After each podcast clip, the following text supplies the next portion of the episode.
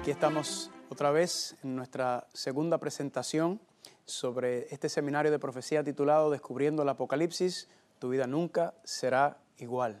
Yo soy Carlos Muñoz Acosta, soy el orador asociado del Ministerio Amazing Facts y voy a estar compartiendo con ustedes eh, estos temas tan importantes y tan relevantes para nuestros tiempos.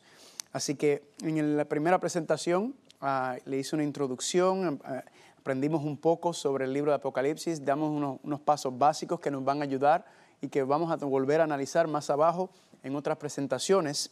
Pero en el tema de hoy ya quiero entrar directamente en el estudio eh, de la palabra, en el estudio de las profecías. Y para eso entonces vamos a comenzar primero con una palabra de oración.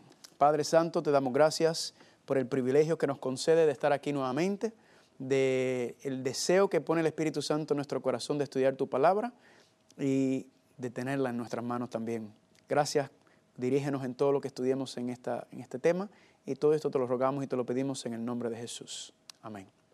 Quiero comenzar con Mateo capítulo 24, versículos 6 al 8, que dicen, y oirás de guerras y rumores de guerras, mirad que no os turbéis, porque es necesario que todo esto acontezca, pero aún no es el fin, porque se levantará nación contra nación y reino contra reino, y habrá ah, hambres, pestilencias y terremotos en muchos lugares, y todo esto será el principio o el comienzo de dolores.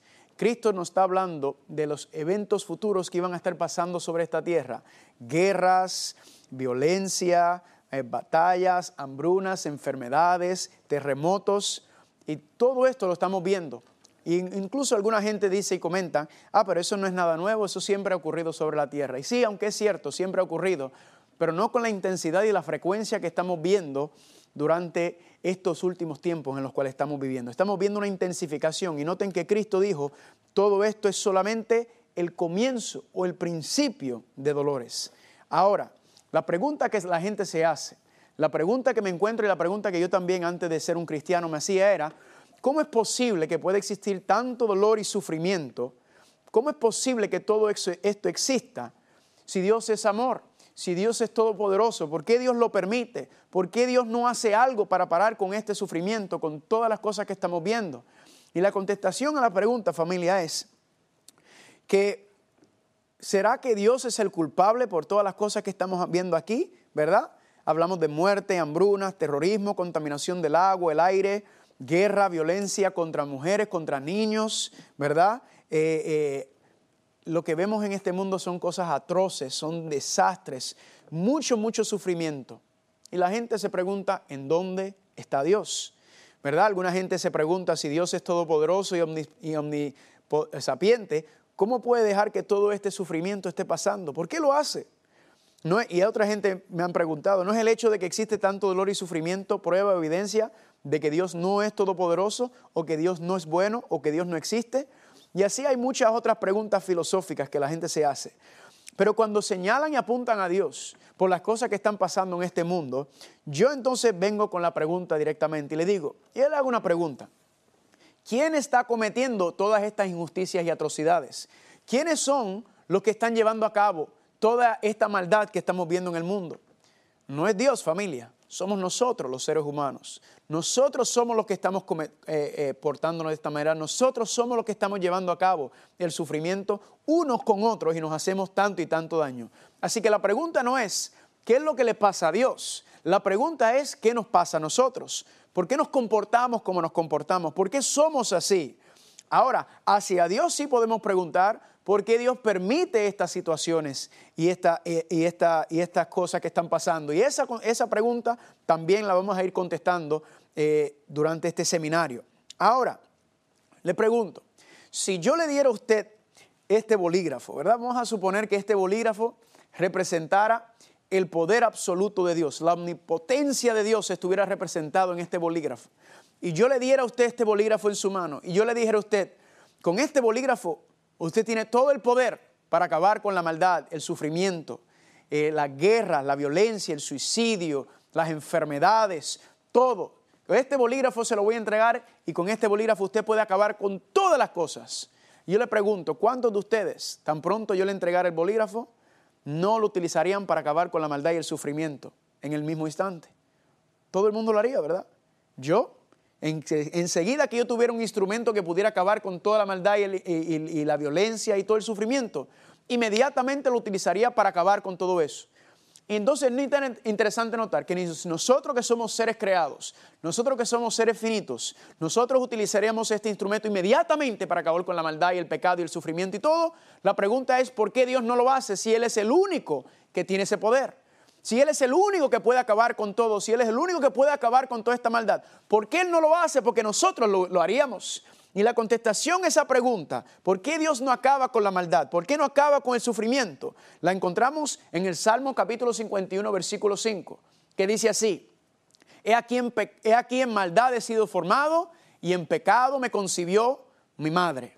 Ya encontramos el problema de por qué nos comportamos como nos comportamos, ya encontramos el problema de por qué estamos así, porque dice el salmista que en maldad hemos sido formados y en pecado fuimos concebidos. Si tenemos que tomar la palabra maldad y pecado y darle un sinónimo, a mí me gusta la palabra egoísmo. El egoísmo es un sinónimo a lo que es la maldad y el pecado. Y, con el egoísmo, usted está pensando solamente en una persona. ¿En quién? En ti mismo. Ese es el problema que tenemos, familia.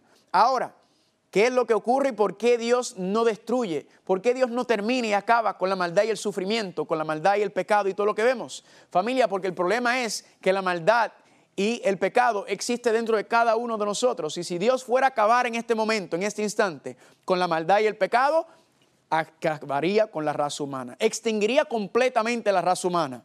¿Están conmigo? Así que ¿cuánto quieren decirle gracias Señor porque todavía nos ha dado un tiempo, una oportunidad? ¿Están conmigo?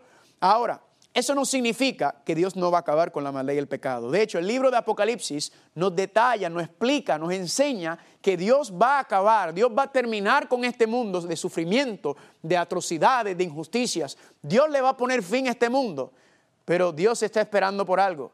¿Qué es lo que está esperando Dios para acabar con este mundo, con, este, con toda la maldad?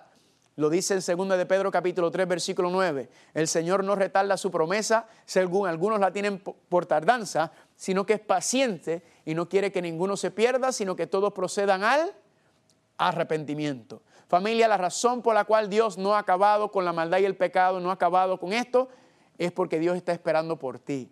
Dios está esperando que tú le des la oportunidad de entrar en tu vida. Dios está esperando que tú le des esa, esa brecha, eh, le abras la puerta para que Él pueda mostrarte lo que quiere hacer por ti. Pero entiende una cosa, Dios no va a esperar por siempre. La profecía enseña y la Biblia enseña, familia, que la misericordia de Dios y la paciencia de Dios es infinito y eterno con aquellos que lo aman y lo honran. Pero con los rebeldes, con los arrogantes, con los tercos. Familia, la, palabra de Dios enseña que la paciencia de Dios tiene un límite y eso lo vamos a estar viendo especialmente por eso los tiempos proféticos que somos presentados. Ahora, vamos a contestar, vamos a hacernos dos preguntas que vamos a estar contestando durante las próximas presentaciones. La primera pregunta es, ¿cómo se explica la maldad si Dios es amor y todopoderoso?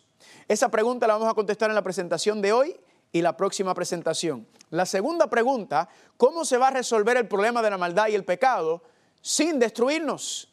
Ahora, es interesante notar que lo que Dios más ama es a sus hijos y a sus hijas creados, ¿verdad que sí? Sus seres creados es lo que Dios más ama, pero lo que Dios más aborrece es el pecado y la maldad. Entonces la pregunta es, ¿cómo es que Dios va a acabar y destruir con el pecado y la maldad que existe dentro de nosotros sin destruirnos. Porque para Dios acabar con el pecado de la maldad, Dios tiene que separar ese pecado de la maldad, el cual cada uno de nosotros tiene. Y la pregunta es, ¿cómo lo va a hacer? Eso lo vamos a estudiar en un, tema más adelante. Así que vamos a empezar con eh, la primera pregunta. ¿Cómo es posible, cómo se explica la maldad si Dios es amor?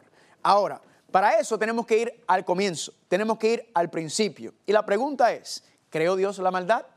¿Creó Dios el pecado? Pues mire, en Génesis capítulo 1 y capítulo 2 nos habla y nos dice que todo era perfecto y bueno en gran manera. No había violencia, no había eh, enfermedades, no habían guerras, no habían suicidios, no había cáncer, no había injusticias, no había atrocidades. Nada de eso existía en el comienzo, nos dice Génesis capítulo 1 y capítulo 2. Todo era bueno y perfecto en gran manera. Y cuando Dios creó el mundo, Dios le entregó el mundo a Adán y Eva, ¿verdad? Vamos a ver más adelante que el mundo, esta tierra fue un regalo de bodas que Dios le dio a Adán y Eva. Entonces, Él se lo dio y Adán y Eva se convirtieron en el rey y la reina de esta tierra. Pero si todo era perfecto y bueno en gran manera, ¿qué fue lo que pasó? ¿Qué es lo que ha pasado? Pues para eso yo quiero que usted me acompañe y vaya conmigo por favor al libro de Mateo. Mateo capítulo 13, hay una parábola muy interesante que es la, palabra, la parábola del trigo y la cizaña. Y yo quiero leerlo contigo para que usted vea y entienda cómo Cristo explica esta situación.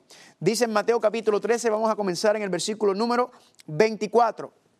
Le refirió otra parábola diciendo, Mateo Estamos en Mateo capítulo 13, versículo 24. El reino de los cielos es semejante a un hombre que sembró buena semilla en su campo. Pero mientras dormían los hombres, vino su enemigo y sembró cizaña entre el trigo y se fue. Cuando salió la hierba y dio fruto, entonces apareció también la cizaña. Ahora, brinquemos ahora al versículo número 36, que es la explicación de esto que está pasando. Dice, versículo 37, respondiendo y él les dijo, el que siembra la buena semilla es el Hijo del Hombre.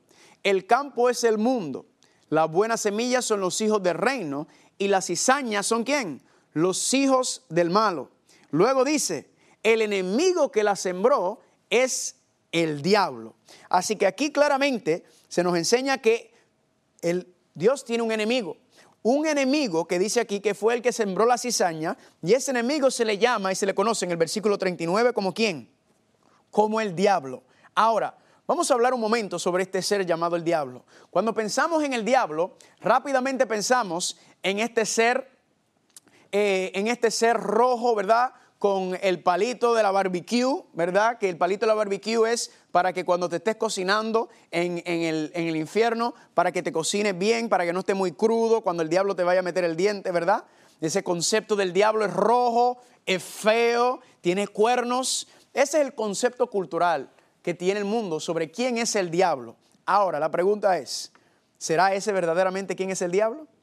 ¿Será ese la explicación que nos habla el concepto, la imagen que da la Biblia sobre el diablo?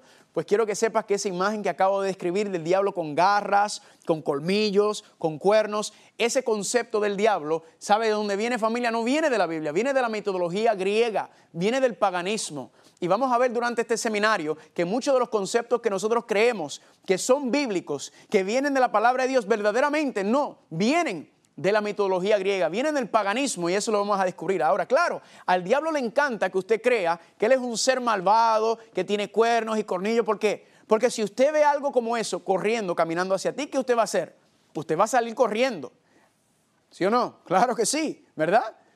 Pero eso es lo que el diablo quiere, familia. Él quiere que tú creas que él es algo así feo, horrible. Y sin embargo, familia, la Biblia no, no, presenta ese cuadro. Quiero que me acompañen ahora al libro de Ezequiel, capítulo 28. Ezequiel, capítulo 28. Quiero que vayas conmigo a tu Biblia, porque quiero que veas la explicación bíblica sobre quién es este ser conocido como el diablo. Ezequiel, capítulo 28, versículo 12, vamos a empezar. Ezequiel, capítulo 28, versículo 12, dice así. Hijo de hombre, levanta endecha sobre el rey de Tiro y dile, así ha dicho Adonai el Señor, tú eras el sello de la perfección, lleno de sabiduría y acabado de hermosura. Antes de, antes de continuar, algunas personas me han dicho o me han eh, preguntado, ¿y por qué ahí habla del rey de Tiro si tú me estás diciendo que estos versículos van a hablar de, de Satanás o de Lucifer? Y es bien sencillo. La razón es porque el diablo no se presenta directamente ante el ser humano, no va directamente entre ti, sino él trabaja detrás de sus agentes humanos para llevar a cabo su plan, para llevar a cabo eh, eh, sus maquinaciones, ¿verdad? El diablo trabaja detrás de gente, entonces eso es lo que estamos viendo aquí. Él está trabajando detrás del rey de Tiro y vamos a ver que la explicación es imposible que pueda ser que esté hablando de un ser humano. Dice así en el versículo número 12 eh, nuevamente, tú eras el sello de la perfección lleno de sabiduría y acabado de hermosura. En el Edén, en el huerto de Dios estuviste y de toda piedra preciosa era tu vestidura. Brinquemos al versículo 14.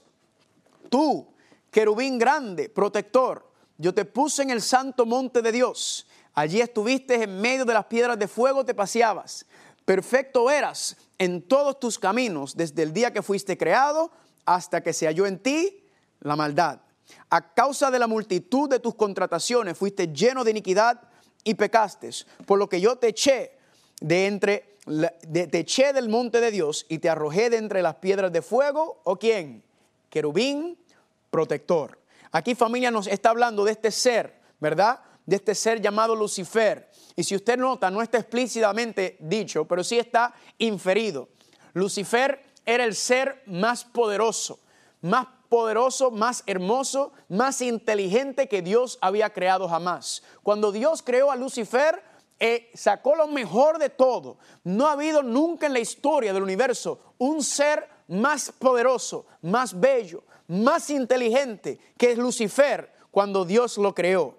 Y noten que dice que era perfecto en todos sus caminos. Era hasta que se halló en ti la maldad. En otras palabras, familia, esa palabra se halló en ti la maldad es que surge, es que crece, es la palabra hebrea matza, que significa apareció, se levantó, vino hacia adelante. Y entonces nos estamos empezando a ver y entender quién es este ser y dice, porque lleno de iniquidad y pecastes. Ahí entonces aparece el pecado, surge, la maldad surge con este ser llamado Lucifer. Ahora, sin embargo, aquí nos dice algo que nos ayuda a entender quién es Lucifer. Nos ayuda a entender un poco mejor quién es este ser. Y es que se le llama querubín grande, protector. Dos veces lo menciona, querubín grande, querubín protector. Ahora, ¿qué es un querubín? Un querubín cuando estudias la Biblia es un nivel de ángel. Hay varios niveles de ángeles, está querubines, serafines. Él es un querubín, pero ese concepto de querubín resalta en otra parte en la Biblia, resalta en una parte muy interesante dentro de la palabra de Dios. ¿Y en dónde es que resalta este concepto del querubín? Es dentro del santuario. Dentro del santuario, dentro del templo de Dios, en la presentación anterior habíamos hablado que el libro de Apocalipsis está situado en el santuario, ¿verdad? Es Cristo básicamente caminando por el santuario, claro, no un santuario terrenal, sino un santuario celestial. Vamos a ver, a medida que sigamos estudiando y profundizando, vamos a ver que todo el, santuario explica y desglosa todas las cosas que vamos a estar viendo por medio de las profecías, porque el libro de Apocalipsis está localizado en el santuario. Ahora, me dice que Él es un querubín grande y protector. Cuando vamos al santuario, hay un lugar en el santuario muy interesante que se llama el lugar santo, ¿verdad? El santuario está dividido en tres partes, el atrio o el patio, el lugar santo y el lugar santísimo. Y en el lugar santísimo, ahí está lo que conocemos como el arca del pacto, ¿verdad? Quizá usted ha escuchado o ha visto alguna serie o alguna película que hablan del arca del pacto. Pues es interesante notar, miren entonces, ¿por qué, qué, tiene que ver el arca del pacto con Lucifer? Y cuando empezamos a leer en Éxodo capítulo 25, del 10 al 22, mira lo que dice aquí. Harás un propiciatorio de oro fino. Propiciatorio es el arca, ¿verdad? Es la cobertura, es la palabra propiciatorio en inglés. Se le llama el trono de la misericordia o the throne of mercy, the mercy seat, ¿verdad? Un propiciatorio de oro harás también dos querubines de oro. Aquí aparece el concepto de los querubines. Dos querubines habían sobre el propiciatorio, que irán en los dos extremos del propiciatorio. Un querubín irá en un extremo y un querubín irá en el otro extremo. Así que piensa como en una caja, ¿verdad? El arca del pacto como una caja. Y entonces tenía lo que se le llama el propiciatorio que iba encima de la caja, que cubría el arca. Y ahí habían dos querubines. Le siguió diciendo Dios a Moisés, los querubines extenderán sus alas y cubrirán con ellas el propiciatorio. El propiciatorio lo pondrás encima del arca y dentro del arca pondrás el testimonio que yo te daré.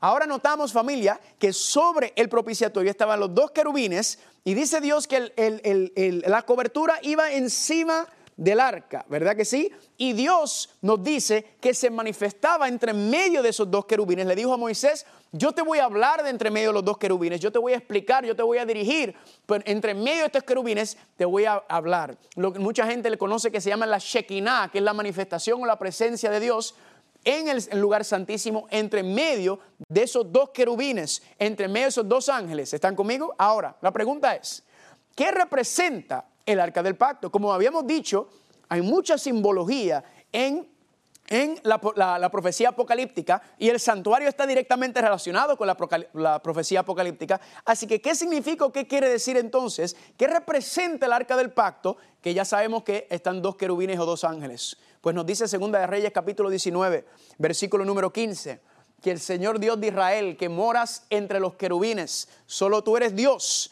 de todos los reinos de la tierra. La profecía nos está diciendo, familia, que eh, Dios mora entre medio de los dos querubines. ¿Sabe lo que representa el arca del pacto, familia? El arca del pacto representa el trono de Dios. Por ejemplo, en Isaías capítulo 6, Isaías vio una visión y vio dos ángeles. ¿Y vio quién entre medio de los dos ángeles? Vio al Señor, vio a Dios.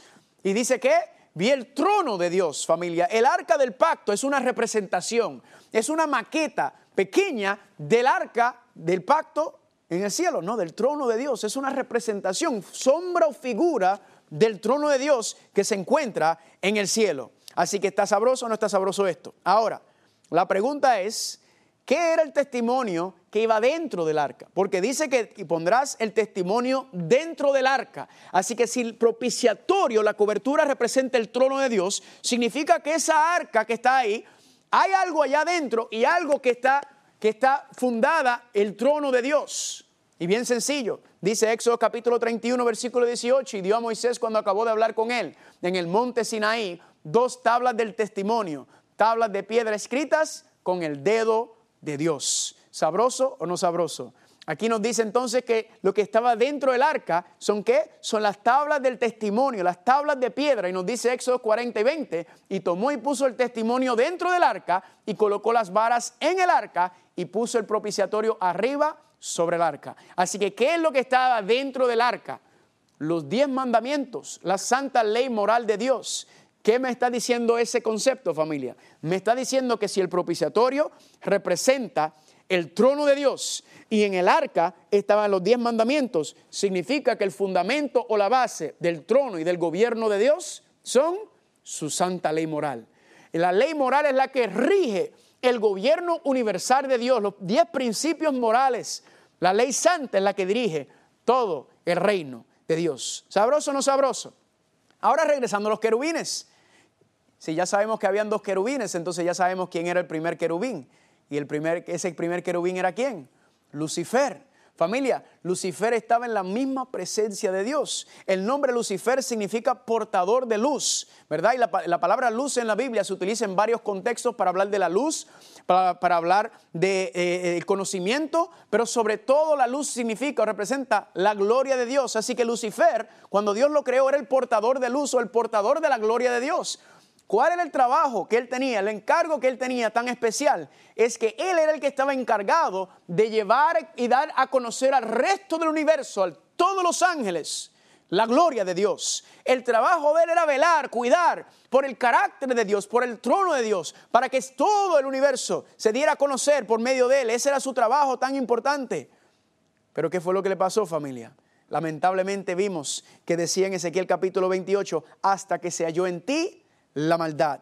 Algo pasó con Lucifer. Algo este ser creado, el más poderoso, el más hermoso, el más inteligente, que estaba en la misma presencia de Dios, que moraba en el mismo trono de Dios, ahí mismo, en el lugar más privilegiado, algo le pasó que él se apartó. Algo le pasó que él surgió en él la maldad o el egoísmo, porque recuerden que dijimos que la palabra maldad o egoísmo, eh, pecado significa, el sinónimo es egoísmo.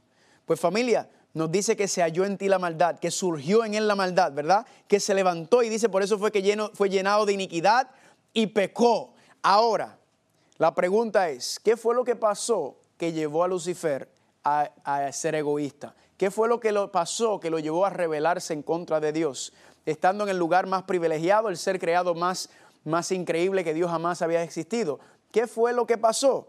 Pues nos dice en Isaías capítulo 14. Quiero que vayan conmigo, por favor. Isaías está tres libros adelante de Ezequiel. Isaías capítulo 14, versículo 12. Mira cómo nos dice. Aquí el profeta Isaías entra en la mente de Lucifer, ¿verdad? Y dice en el capítulo 14, versículo 12, ¿cómo caíste del cielo, oh lucero, hijo de la mañana? Cortado fuiste por tierra, tú que debilitabas las naciones, tú que decías en tu corazón, yo subiré al cielo en lo alto. Junto a las estrellas de Dios, yo levantaré mi trono. En el monte de Dios, yo me sentaré a los lados del norte y sobre las alturas de las nubes, yo subiré y yo seré semejante al Altísimo. Noten que el profeta Isaías se pregunta, ¿cómo es posible, Lucifer, que tú hayas caído de ese lugar tan privilegiado, que hayas caído de, ese, de, esa, de esa posición que Dios te dio? ¿Cómo es posible, Lucifer, que tú te hayas revelado de ese lugar? Y aquí nos explica por qué.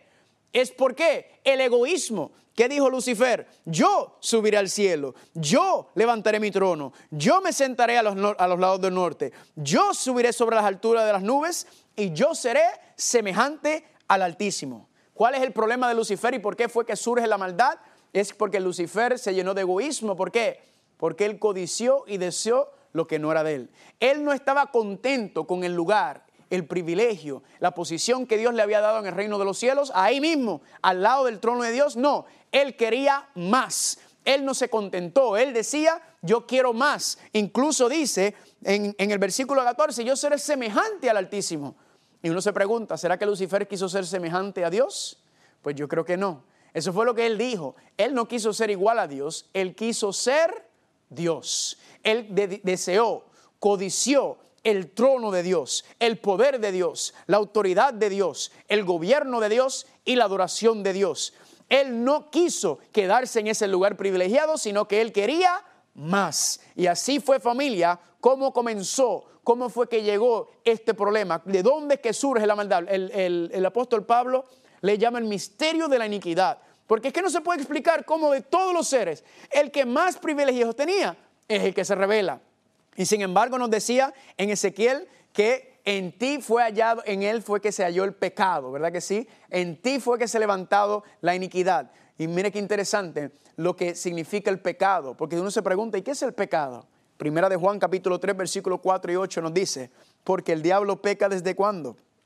Desde el principio, desde el comienzo, lo que leímos en Ezequiel, ¿verdad? 28. ¿Y el pecado qué es? La infracción de la ley. El pecado es transgresión de la ley. Así que nuevamente, viendo el concepto de la ley como la base y el fundamento del gobierno de Dios, y Lucifer, que era el portador de esa gloria, el portador del trono de Dios, que se supone que llevara y compartiera esa luz y fuera el que lo mantuviera en alto, familia, es el mismo que se rebeló en contra de la ley de Dios y por eso dice que pecó, fue lleno de iniquidad y pecó. Así que ya estamos comprendiendo y entendiendo un poquito más sobre este asunto. Ahora la pregunta, ¿será que Dios creó el diablo? No, familia. Dios creó a Lucifer, un ser hermoso, poderoso, inteligente sobre todos los demás seres creados, pero lamentablemente en él surgió el, pecado y la maldad. Ahora, cuando vamos ahora un poquito más profundo, nos preguntamos, ¿y cómo fue entonces que llevó a cabo su rebelión? ¿Cómo fue que llevó a cabo su rebelión? ¿Cómo fue que pudo? Porque él solo pues una persona sola puede hacer daño, sí, ¿verdad que sí? Una persona sola puede hacer daño, pero para hacer daño, mucho daño, necesitas más personas, ¿verdad que sí? Necesitas entonces un ejército. La pregunta es entonces, ¿cómo fue que Lucifer llevó a cabo su rebelión en el cielo? ¿Cómo fue que lo logró, familia? Pues por medio de su rebelión. Vayan conmigo, por favor, en su Biblia, Apocalipsis capítulo 12. Quiero compartir con ustedes Apocalipsis capítulo 12 y vamos a ir al versículo número 7. Apocalipsis capítulo 12, versículo número 7. Miren qué interesante. Apocalipsis capítulo 12, versículo número 7 dice así. Después hubo una gran batalla en el cielo. ¿En dónde hubo una gran batalla? ¿Una gran guerra? En el cielo. A veces uno pensaría que una gran batalla sería, ¿verdad? Eh, uno piensa en batallas o en guerras, uno piensa en Afganistán, uno piensa en, en, en, en, África, alguna parte de África, uno piensa en Siria, lugares donde hay conflictos armados, ¿verdad? Pero aquí nos dice la Biblia que la primera gran batalla, la primera guerra ocurrió en dónde? En el cielo. Dice, Miguel y sus ángeles luchaban contra el dragón y luchaba el dragón y sus ángeles, pero no prevalecieron ni se halló ya lugar para ellos en el cielo.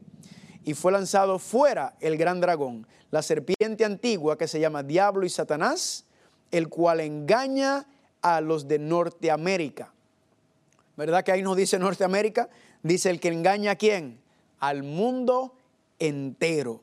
Y fue arrojado a la tierra y sus ángeles fueron arrojados con él. Familia, aquí nos está dando una descripción terrible. Aquí nos dice que el dragón, que ya sabemos que es quién, China, no, es el diablo. Recuerda, nosotros no interpretamos la profecía a nuestro gusto, a nuestra conveniencia, como me enseñaron, como a mí me gusta, sino nosotros dejamos que la Biblia sea la que se explique ella misma. Aquí nos dice que el diablo entonces tenía un ejército, tenía un ejército de ángeles. Y dice él que fue lanzado el gran dragón, y noten cómo se le cambió el nombre de la serpiente antigua a diablo y Satanás. El nombre era Lucifer, portador de luz en su etapa inicial, pero lamentablemente por su rebelión se convirtió en Satanás o el diablo. La palabra Satanás o diablo significa eh, acusador, ¿verdad? El que señala, el que acusa, eh, el, que, el, que está, el que está, como decimos, eh, hablando mal de otras personas, ¿verdad? Eso es lo que quiere decir el concepto de, de adversario, acusador, cómo se le cambió el nombre al enemigo. Ahora, la pregunta que nos hacemos es, ¿Qué fue esa guerra o esa batalla en el cielo, según el versículo 7? ¿Será que fue una guerra con, con pistolas, con, con bombas, eh, con, armamento, como nosotros entendemos? Pues es interesante notar que esa palabra, hubo una gran batalla en el cielo. Eso es una gran, hubo una gran guerra, ¿verdad? Es la palabra griega que se llama polemos. Y la palabra polemos es la raíz para la palabra polémica o también para la palabra política. En otras palabras, familia, Aquí nos está diciendo que la primera guerra, la primera batalla que surgió, no fue necesariamente una guerra eh, con armamento, ¿verdad? Literal. No estoy diciendo que no haya sido esa posibilidad dentro de esta guerra, pero lo que me está diciendo cuando me utiliza la palabra polemos es que me está diciendo que la polémica, la guerra que estaba pasando, era un problema político. Esa era la polémica que había. ¿Y qué es eso? ¿Qué es la política? Es una, básicamente una guerra de ideas, ¿verdad? Es, una, es un debate de ideas, es un debate de pensamientos. Ahora, dentro de este debate, dentro de esta polémica que se forma, de esta política que está en el cielo, ¿tuvo éxito el diablo, sí o no? Sí, claro que tuvo éxito. No venció, porque ya vimos que dice que fue echado, ¿verdad? Pero se fue con un ejército, con sus ángeles. Y cuando leemos en Apocalipsis 12:4 nos dice que el diablo cuando se rebeló se llevó una tercera parte de las estrellas del cielo con él. El diablo logró convencer una tercera parte de los ángeles que moraban en la presencia de Dios que él tenía una mejor idea, que él tenía un mejor plan, que él tenía que él tenía mejor, mejor idea de cómo llevar a cabo un gobierno, que él tenía mejor eh, eh, conceptos de cómo unirse. Él estaba entonces, familia, diciendo, convenciéndolos, dice aquí, para que lo siguieran a él. Ahora, eso me indica algo a mí, porque si estos ángeles, si una tercera parte de los ángeles del cielo eran seres perfectos, no, no mentían, no conocían en la mentira, no conocían el pecado, y el diablo logró convencer una tercera parte de ellos, seres celestiales, seres que vivían en el cielo. ¿Será que entonces nosotros podemos contra el diablo? ¿Será que nosotros tenemos poder contra el diablo? No, familia, ni siquiera nosotros lo podemos ver. El enemigo es invencible a nuestros ojos, familia. Pero aquí nos dice, familia, que logró convencer una tercera parte de las estrellas del cielo. ¿Qué me dice eso a mí? Que yo, tratando de pelear contra el enemigo, es una, es una pérdida de tiempo. Yo no puedo, yo no puedo ni ver al enemigo. El único que puede vencer al diablo, el único que puede vencer a Satanás, dice la palabra de Dios, es Cristo Jesús. Así que eso nos debe indicar, nos debe decir algo, que es la única manera de pelear, porque dice aquí que Él tiene a todo el mundo engañado, ¿verdad? Vamos a ver que el engaño es por medio de la bestia. Y eso también está representado cuando dice que Babilonia está dando su vino al mundo a beber. Esta es la guerra, esta es la batalla, familia, que está hablando aquí. Es el engaño que él tiene y ahora está llevando a cabo ese, engaño aquí en la tierra, así como hizo. Ahora, pregunta, ¿cómo logró convencer Lucifer a billones y billones y billones de ángeles que vivían en el cielo a unirse a él a la rebelión? ¿Cómo fue que él logró convencerlos sobre esto? Pues familia, la Biblia nos explica y nos enseña algo muy interesante. En Ezequiel capítulo 28, versículo 16 dice, a causa de la multitud de tus contrataciones fuiste lleno de iniquidad y pecastes. Esa palabra contratación es una palabra muy interesante. Y cuando lo leí, yo me acuerdo que decía, ¿qué es eso de que a causa de la multitud de sus contrataciones? Pues cuando usé la concordancia, que les recuerden que les expliqué que la concordancia junto con la Biblia son los dos instrumentos que tú quieres para estudiar, porque no entendía lo que decía contrataciones. Pues busqué en la concordancia y encontré que la palabra contrataciones es la palabra hebrea racal. Ahora, para entender lo que son contrataciones, para entender lo que es racal, ¿qué tengo que hacer? Pues tengo que simplemente buscar en dónde en otras partes de la Biblia se utiliza la misma palabra, racal, y eso entonces me va a explicar a decir qué es lo que significa contrataciones. Recuerden lo que les había dicho, la Biblia se explica sola. Usted lo que necesita familia son los instrumentos para poder hacerlo y estudiarlo y es comparando versículo con versículo, como habíamos hablado en la presentación anterior. un texto aquí, un texto allá, línea sobre línea y ahí. Ahora, cuando busqué, encontré la palabra racal en otras palabras, en otros lugares en la Biblia, adivinen qué encontré. Ezequiel capítulo 22, versículo 9 dice, en ti han estado calumniadores, ahí está la palabra racal, derramando sangre. Así que ya encontramos lo que significa contrataciones, ¿qué significa? Racal, calumnias, pero también significa algo más. En Levítico capítulo 19, versículo 16 nos dice, no andarás chismeando entre tu pueblo. La palabra racal entonces significa que el chisme. Así que, ¿qué era lo que el diablo estaba haciendo? Estaba levantando calumnias, acusando, señalando que es lo que significa diablo y Satanás, y estaba haciendo qué? Estaba haciéndolo por medio de chismes. Familia, el diablo fue el que inventó el doctorado en chismología. Así que si a usted le gusta el chisme, entiende y comprenda con quién usted se está aliando. No, yo no me quisiera aliar con ese enemigo que está aquí. Aquí nos dice entonces, familia, que el diablo empezó a qué? A regar chismes, a, a, difamar a Dios, empezó a levantar calumnias en contra de Dios. Empezó, ¿y cómo fue que empezó? A decirle a los ángeles, miren, yo tengo un mejor plan de gobierno, yo tengo mejores ideas, yo sé lo que podemos hacer mejor que Dios. Este Dios, Dios es un dictador, Dios con su ley nos está restringiendo, Dios es un, es un mentiroso, Dios es un asesino, vamos a ver más adelante que lo acusa de asesino también, lo acusa incluso de ser un corrupto, de ser un sobornista en la Biblia. Y usted se preguntará entonces, ¿en dónde aparece estos conceptos, los vamos a analizar ya mismo, pero vamos a, te voy a mostrar uno. Vayan conmigo, no vayamos conmigo, pero ahí va a estar en el libro de Job. ¿Ustedes recuerdan la historia del libro de Job? En la historia de Job, ¿qué fue lo que hizo? Dios le dijo a Satanás en Job, capítulo 1, le dijo, mira, ahí está mi hijo Job, fiel, justo, recto, que me ama y me honra. Y el diablo que le dijo a Dios, quita tu protección de él, quita la verja de protección que tú tienes alrededor de él, quita tus bendiciones y él te va a maldecir. Y Dios dijo, ok, Dios vino y ¿qué hizo? Dios permitió y Dios quitó. ¿Verdad que sí? ¿Qué es lo que le estaba diciendo Dios? Mi hijo es fiel independientemente y a pesar de eso. Y así está la historia de Job y sabemos que ocurrió así porque si no hubiera ocurrido así no estuviera escrito en la Biblia. Ahora, ¿qué era lo que el diablo estaba diciendo? La única razón por la cual Job te sirve, la única razón por la cual Job te honra es porque tú lo proteges y lo bendices. En otras palabras, tú eres un corrupto, tú sobornas a, tus hijos y a tus hijas y esa es la razón. Gloria a Dios por la historia de Job que muestra que no es así. Pero regresando a la temática, ¿qué estamos diciendo? El diablo está acusando, Dios es injusto, Dios es mentiroso, Dios es corrupto, dictador, todas estas cosas. Familia, en otras palabras, la creación se está rebelando en contra del creador. El ser creado se está levantando en contra del ser que lo creó. Dios está en conflicto con su propia creación y el carácter de Dios fue puesto en tela de juicio en este gran debate, en esta gran controversia que estábamos estudiando en Apocalipsis capítulo 12.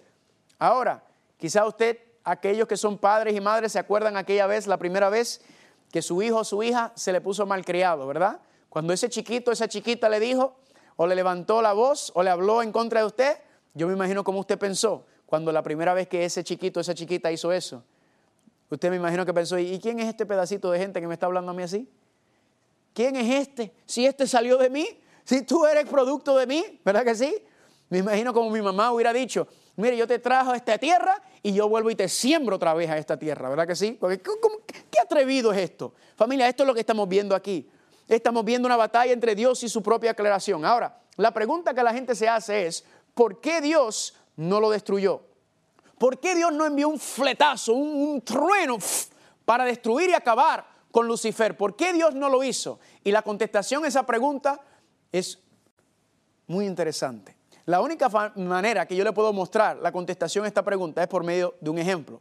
Le digo, vamos a suponer que el reportero, vamos a buscar el reportero quizás más famoso, más conocido del mundo hispano, se, se llama Jorge Ramos.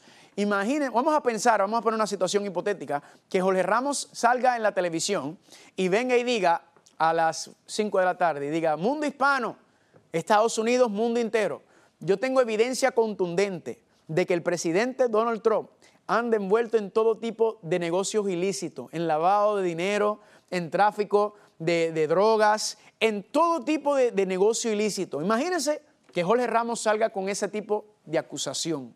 ¿Verdad? Y que Jorge Ramos diga, a las 9 de la noche le voy a presentar toda la evidencia que confirma todo lo que les he dicho. ¿Qué va a ocurrir? A las 9 de la noche ahí vamos a estar todos pegaditos al televisor para ver qué es lo que va a decir Jorge Ramos porque la acusación fue grande, ¿verdad que sí? Y luego a las 9 de la noche, cuando aparece la televisión, prendemos la televisión, ¿qué sucede? Que sale el director de la FBI y dice, lamentamos decirle que acabamos de encontrar a Jorge Ramos con una bala entre medio de los ojos, acaba de ser asesinado. Pregunto, ¿qué le va a decir eso usted sobre lo que le pasó a Jorge Ramos y sobre lo que dijo? Usted va a pensar inmediatamente, algo sabía Jorge Ramos, algo sabía y ¿qué hicieron? Lo mandaron a callar, lo mandaron a silenciar. ¿Eso familia, pregunto, hubiera resuelto el problema de la acusación que hizo el diablo? No, para nada. No hubiera resuelto nada. Al revés, sino que se hubiera intensificado, se hubiera fortalecido la acusación, porque con tú destruir o matar, el que creó la acusación, el que creó la idea, tú no destruyes la idea. Al revés, se fortalece la idea porque entonces se piensa, algo sabía Jorge Ramos y por eso es que lo mandaron a silenciar. Por lo tanto, el problema no se resuelve, sino el problema se intensifica. Y otro problema que vas a tener es que entonces los ángeles, en vez de adorar a Dios por amor, lo iban a hacer por qué? Por miedo. Iban a tener miedo de hablar en contra de Dios. Iban a tener miedo de decir algo en contra de Dios, porque decir, ah, no vayamos a terminar como terminó Lucifer, que mira, lo terminó y lo destruyó en ese instante. ¿Están conmigo? Familia, ahora es que viene el asunto bueno. ¿Cómo entonces es que Dios puede resolver este problema de la acusación falsa que hizo el diablo? Pues familia, ¿dónde es que se resuelven ese tipo de problemas de acusaciones y de personas que difaman a otros? Pues en un, un tribunal. En un tribunal hay que ir a un tribunal. ¿Y qué se hace? se presenta evidencia. Alguien viene con una acusación, alguien viene con algo diciendo algo en contra de uno, ¿y qué hay que hacer? Hay que presentar evidencias que muestran lo contrario, que muestran que esa acusación es falsa, que a desacreditar esa información, esa evidencia que se presentó esa acusación, tiene que ser con más información, con otra, con otra evidencia que, que contradiga lo que ya fue establecido y lo que ya está dicho. Y vamos a ver familia en unas presentaciones próximamente cuál es la evidencia que Dios presentó para mostrar que la acusación de Satanás era falso. ¿Cuál era la evidencia que Dios presentó para mostrar que lo que estaba diciendo Lucifer no era verdad y que él verdaderamente era el que estaba levantando calumnias y hablando en contra de Dios? ¿Están conmigo o no están conmigo? Ahora, Dentro de este gran problema que acabamos de ver, entonces, la pregunta es, ¿y cómo, qué tenemos que ver nosotros con esto? ¿Qué tiene que ver la raza humana con todo esto que estamos hablando en este contexto? Pues familia, vamos a ver próximamente que eh, en, la próxima presentación vamos a ver cómo llegó esto. Porque hasta ahora todo lo que estamos viendo y todo lo que estamos analizando ocurrió en el cielo, ocurrió allá. El conflicto comenzó arriba, ¿verdad que sí? El diablo desacreditando, señalando y acusando a Dios. Ahora, ¿por qué Dios lo permitió? Dios lo permitió por una idea, una razón muy simple. La primera ya la, ya la vimos, ¿verdad? Para, porque se levanta y se fortalece la acusación por el amor de los ángeles, pero también familia, es que Dios entonces, ¿qué dice? ¿Sabes qué? Le dice Lucifer. Yo voy a dejar, yo me imagino, ¿verdad? Yo pensando, yo voy a dejar que tú lleves a cabo tu plan de gobierno. Yo voy a dejar a cabo que tú lleves a cabo tu plan, ¿verdad? Para que todo el mundo vea y entienda a dónde va a llevar ese plan. En otras palabras, familia, está este debate esta lucha de ideas que está existiendo. Vamos, me gustaría presentárselo de esta manera. Usted sabe, por ejemplo, las elecciones presidenciales que eh, hubo el año pasado, y en cualquier eh, elección, ¿verdad? Sea cualquier cargo político, uno tiene un debate. Y en ese debate, ¿qué ocurre? Tú tienes los dos candidatos, los últimos dos candidatos, ¿verdad? Y entonces están en un debate. ¿Y qué pasaba en, en el debate presidencial? Vino el presidente Donald Trump y ¿qué dijo? Miren, yo tengo un mejor plan de gobierno, yo tengo una mejor idea que Hillary en este contexto, ¿verdad? No la escuchen a ella, ella es corrupta, ella, el plan de gobierno de ella no existe, escúchenme a mí, sigan mi plan, voten por mí, que yo tengo un mejor plan de gobierno. Luego entonces pasaba el momento a Hillary y venía la, la primera dama Clinton y ¿qué decía ella? Miren, Donald Trump es un corrupto, no lo escuchen a él, el plan de gobierno de él no sirve. Escúchenme a mí. Voten por mí. ¿Por qué? Porque yo tengo un mejor plan de gobierno, yo tengo una mejor idea, yo tengo mejores, eh, mejores eh, métodos y modelos que nos van a ayudar para crecer. Y eso es lo que está ocurriendo en el cielo, familia. Hay un debate entre Dios y el diablo. Está este debate, familia, este debate de ideas y tienen que tomar un lado. Y ya sabemos que tomaron lado o no tomaron lado. Claro que sí, hubo un voto. Una tercera parte de los ángeles del cielo votaron a favor del gobierno de Lucifer, pero dos terceras partes votaron a favor de quién? A favor de Dios. Y eso fue la división que hubo en el cielo, familia. Esa fue la discordancia que hubo en ese momento. Y Dios entonces, esta es la parte linda, familia. Dios dice, con el dolor, yo me imagino con el dolor en el corazón que tenía Dios, Dios le dijo, yo voy a dejar que tú lleves a cabo tu rebelión. Yo voy a dejar, dejar que tú lleves a cabo tu plan. Ahora, esto no va a ser para siempre.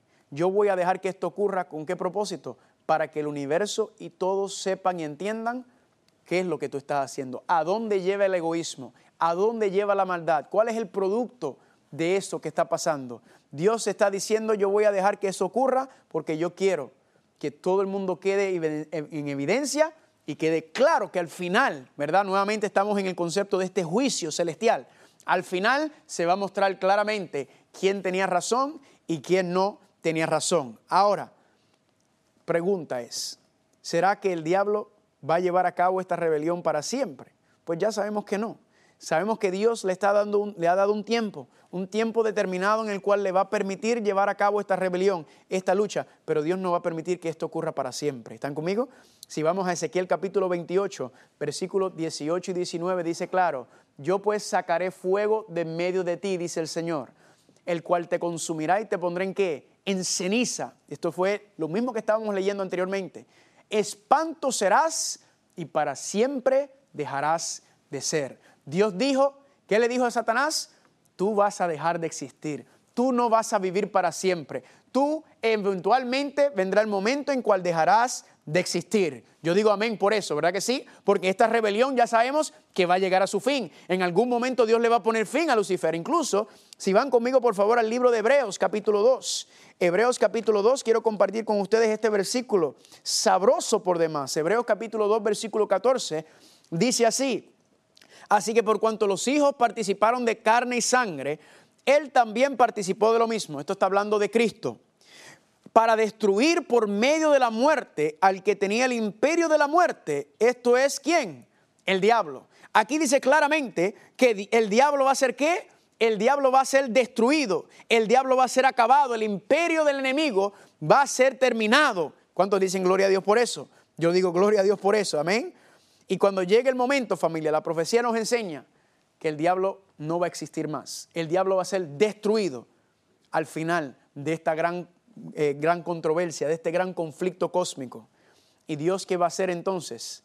Dios va a establecer un cielo nuevo y una tierra nueva. Quiero que lo lean conmigo. Apocalipsis capítulo 21, versículo 1 y 4. Quiero que lo lean conmigo porque si recuerdan, el libro de Apocalipsis, habíamos hablado anteriormente, es un libro de esperanza, ¿verdad? A pesar de todo lo que acabamos de ver, a, pesar del análisis que estamos viendo de lo que ocurrió en el cielo, próximamente vamos a hablar de cómo fue que este, este problema, este debate, esta controversia, esta guerra llegó a la tierra. Pero todo lo que estamos viendo, familia, Dios tiene una promesa a pesar de todo eso. El libro de Apocalipsis nos trae esperanza y yo con ustedes quiero compartir ahora uno de mis versículos favoritos, el libro que más esperanza. Sí, el Apocalipsis habla de bestias y dragones, pero como hemos visto ya, todo eso es símbolo, todo eso son representaciones de cosas que están por venir. La Biblia nos enseña, familia, el libro de Apocalipsis, familia, tiene la, promesa y la esperanza más linda. Y yo quiero compartir con ustedes uno de mis versículos favoritos. Apocalipsis capítulo 21, versículo número 1, dice así, vi un cielo nuevo y una tierra nueva porque el primer cielo y la primera tierra pasaron y el mar ya no existía más. Aquí, ¿qué nos dice familia? Que va a haber un cielo nuevo y una tierra nueva. Esa frase, cielo nuevo y tierra nueva, ¿de dónde la sacamos? Pues si usted va a Génesis capítulo 1, dice en el principio creó Dios los cielos y la tierra. Así que nos está diciendo que el cielo y la tierra que comenzó, ¿verdad? Entró el pecado, entró la rebelión, Dios nos promete que va a ser un cielo nuevo y una tierra nueva. Pregunta, ¿es buena esperanza eso? Y miren cómo dice Apocalipsis capítulo 21, versículo 4. Miren cómo dice Apocalipsis capítulo 21, versículo 4, que nos está hablando sobre ese cielo nuevo y esa tierra nueva. Y dice, enjugará a Dios toda lágrima de los ojos de ellos, y ya no habrá muerte, ni habrá más llanto, ni clamor, ni dolor, porque las primeras cosas pasaron. Dios promete que que en el cielo nuevo y en la tierra nueva ya no va a haber sufrimiento, no van a haber lágrimas, no va a haber clamor, no va a haber dolor, no va a haber llanto, no va a haber cáncer, no va a haber guerra, no va a haber suicidio, no va a haber enfermedades, no va a haber violaciones, no va a haber nada de lo que nosotros estamos experimentando y viendo en este mundo. La promesa es que a pesar de todo lo que pasó, Dios promete que va a crear un cielo nuevo y una tierra nueva. Y yo a eso le digo, Amén. En donde ya nunca más se verá el sufrimiento, ya nunca más familia se levantará el enemigo con, este, con, con todo lo que ha hecho, con todo lo que ha logrado hacer, que comenzó en el cielo, vemos, lamentablemente, pronto Dios le va a poner fin a todo esto, familia. Pronto. Pero ¿cuál es el problema? Ya habíamos leído en Apocalipsis capítulo 12, del 7 en adelante, que decía que el mundo entero está engañado. El mundo entero está engañado. El diablo tiene al mundo entero engañado. Ahora, ¿por qué es importante entender esto? Porque si usted se cree que usted no está engañado, quizás usted está diciendo, ah, yo no estoy engañado. Significa que usted está en el lugar perfecto para que el engaño tenga éxito. Porque el que está engañado no sabe que está engañado. El que está engañado no está consciente del engaño, porque si estuviera consciente, entonces no sería un engaño. El asunto y el problema que tenemos aquí familia es que el, el, engaño consiste en que tú no sabes que estás engañado. ¿Y saben dónde está el engaño familia? El engaño no está solamente en el mundo, cuando habla de todo el mundo, se está refiriendo también a la iglesia. También dentro del cristianismo familia hay engaños, entonces la Biblia nos está diciendo, nos está advirtiendo para decirnos que el diablo es tan astuto que logró convencer una tercera parte de los ángeles del cielo que él tenía un mejor plan de gobierno, que él tenía un mejor ideas. Y él logró convencer una tercera parte de los ángeles del cielo. Y les repito nuevamente, ¿será que nosotros tenemos poder contra ese tipo de enemigo? No, familia, como dije, ni siquiera lo podemos ver. Entonces, ¿qué tenemos que hacer para poder resistir al diablo? ¿Cómo es la única manera que podemos eh, soportar las batallas y las pruebas que Él está llevando a cabo sobre nosotros? Que es la única esperanza que tenemos nosotros para salir del engaño, para que no caigamos y seamos lo que la Biblia habla de la eterna perdición, familia. Pues eso está en Santiago capítulo 4, versículos 7 al 8. Aquí está, familia, la única manera de poder mantener y sobrevivir. Dice, someteos pues a Dios. Primero que hay que hacer, someterse a Dios. Resistir al diablo. ¿Y qué pasa?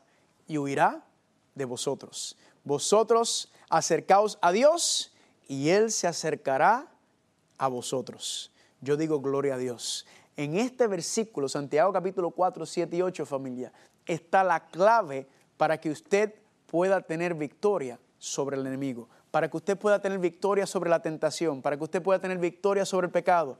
El pecado dice la Biblia que ha salido para destruir, para mentir, para acabar, para matar, él quiere acabar con tu vida, Él quiere acabar con tu matrimonio, Él quiere acabar con tu negocio, Él quiere acabar con tu casa, Él quiere acabar con tus planes, Él quiere, Él quiere destruir.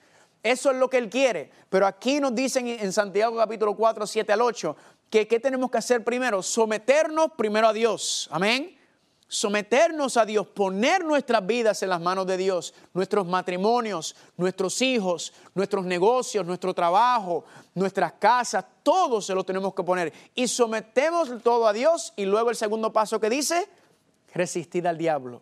En otras palabras, si nos sometemos a Dios, Él nos va a dar el poder para resistir al diablo o para resistir la tentación. Yo digo gloria a Dios por eso. Dios entonces nos dice, sométete a mí ¿Y qué? Y podrás resistir al diablo por medio del poder del Espíritu Santo. Y cuando tú te sometes a Dios y cuando tú resistes al diablo, entonces la pregunta, ¿qué es lo próximo que va a hacer? Dice Santiago 4, 7 y el 8, y huirá de ustedes. ¿Cuántos dicen amén por eso? ¿Cuál es la clave para que el diablo huya? Someterse a Dios y por medio del poder de Dios, el diablo, Dios te vaya a dar el poder para resistir el diablo y la tentación y el pecado ¿Y el diablo qué va a hacer? Tiene que huir. ¿Por qué tiene que huir? Porque no tienes más nada que hacer contigo. El diablo no, dice, este no puedo hacer nada con él. Ahora, no, quiere decir que no va a seguir tratando de atacarte por otros medios, pero contigo directamente, él sabe que no puede. ¿Por qué? Porque has sometido tu vida a Dios, te has puesto las manos de Dios y Dios te va a dar el poder y la victoria sobre el diablo, porque el único que puede vencer al diablo es Cristo Jesús. Amén. Dice, acercaos a Dios y Él se acercará a vosotros. Vamos a ver familia que la razón por la cual Dios permitió la rebelión de Lucifer es por amor. ¿Y cómo que tiene que ver el amor? ¿Por qué el amor? Porque la esencia del amor es la libertad. ¿La esencia del amor es qué? La libertad. Entonces, Dios no obliga a nadie a seguirlo. Dios no tiene máquinas y robots que quiere que lo sigan aquí y allá. Dios nos da el libre albedrío, nos da la libertad de poder seguirlo o de no seguirlo. Estamos libres para hacerlo y la rebelión de Lucifer es evidencia perfecta de esa libertad. Porque si no hubiera tenido la libertad Lucifer de rebelarse, no se hubiera podido rebelar. Dice la Biblia que Dios es amor y la esencia del amor es la, es la libertad. Y esa libertad fue la que Dios permitió que Lucifer llevara a cabo su, plan de salvación, eh, perdón, su plan de engaño. El plan de salvación lo vamos a ver que Dios es el que lo está presentando adelante. Y Dios nos está diciendo, ahora, yo quiero salvarte, yo quiero sacarte de las garras del enemigo. ¿Qué tienes que hacer? Sométete a Dios, resiste al diablo y el diablo huirá de vosotros. Amén. Así que yo no sé cuál es la situación que tú estás pasando en tu vida. Yo no sé cuál es la situación que estás pasando por. Yo no sé la dificultad de tu matrimonio, yo no sé los problemas de tus hijos, problemas en la escuela, problemas legales, problemas económicos, problemas de salud. Yo no sé cuál es el problema, pero yo sé que tú tienes algún problema y quizás más. ¿Por qué? Porque yo también los tengo. La Biblia no nos dice en ninguna parte que no vendrán los problemas. La Biblia lo que nos dice es que Dios estará con nosotros por medio de las pruebas y las tentaciones y las batallas que el enemigo está tratando de llevar sobre nosotros. Y eso se encuentra en Isaías capítulo 41, versículo 10. Este es mi versículo favorito de la Biblia, por encima de todos, que voy a compartir y quiero cada día que estemos juntos, que lo memorices, que te lo grabes y que lo escribas. Y como dice Isaías 41, 10, no temas que yo estoy contigo, no desmayes que yo soy tu Dios, yo te doy fuerzas.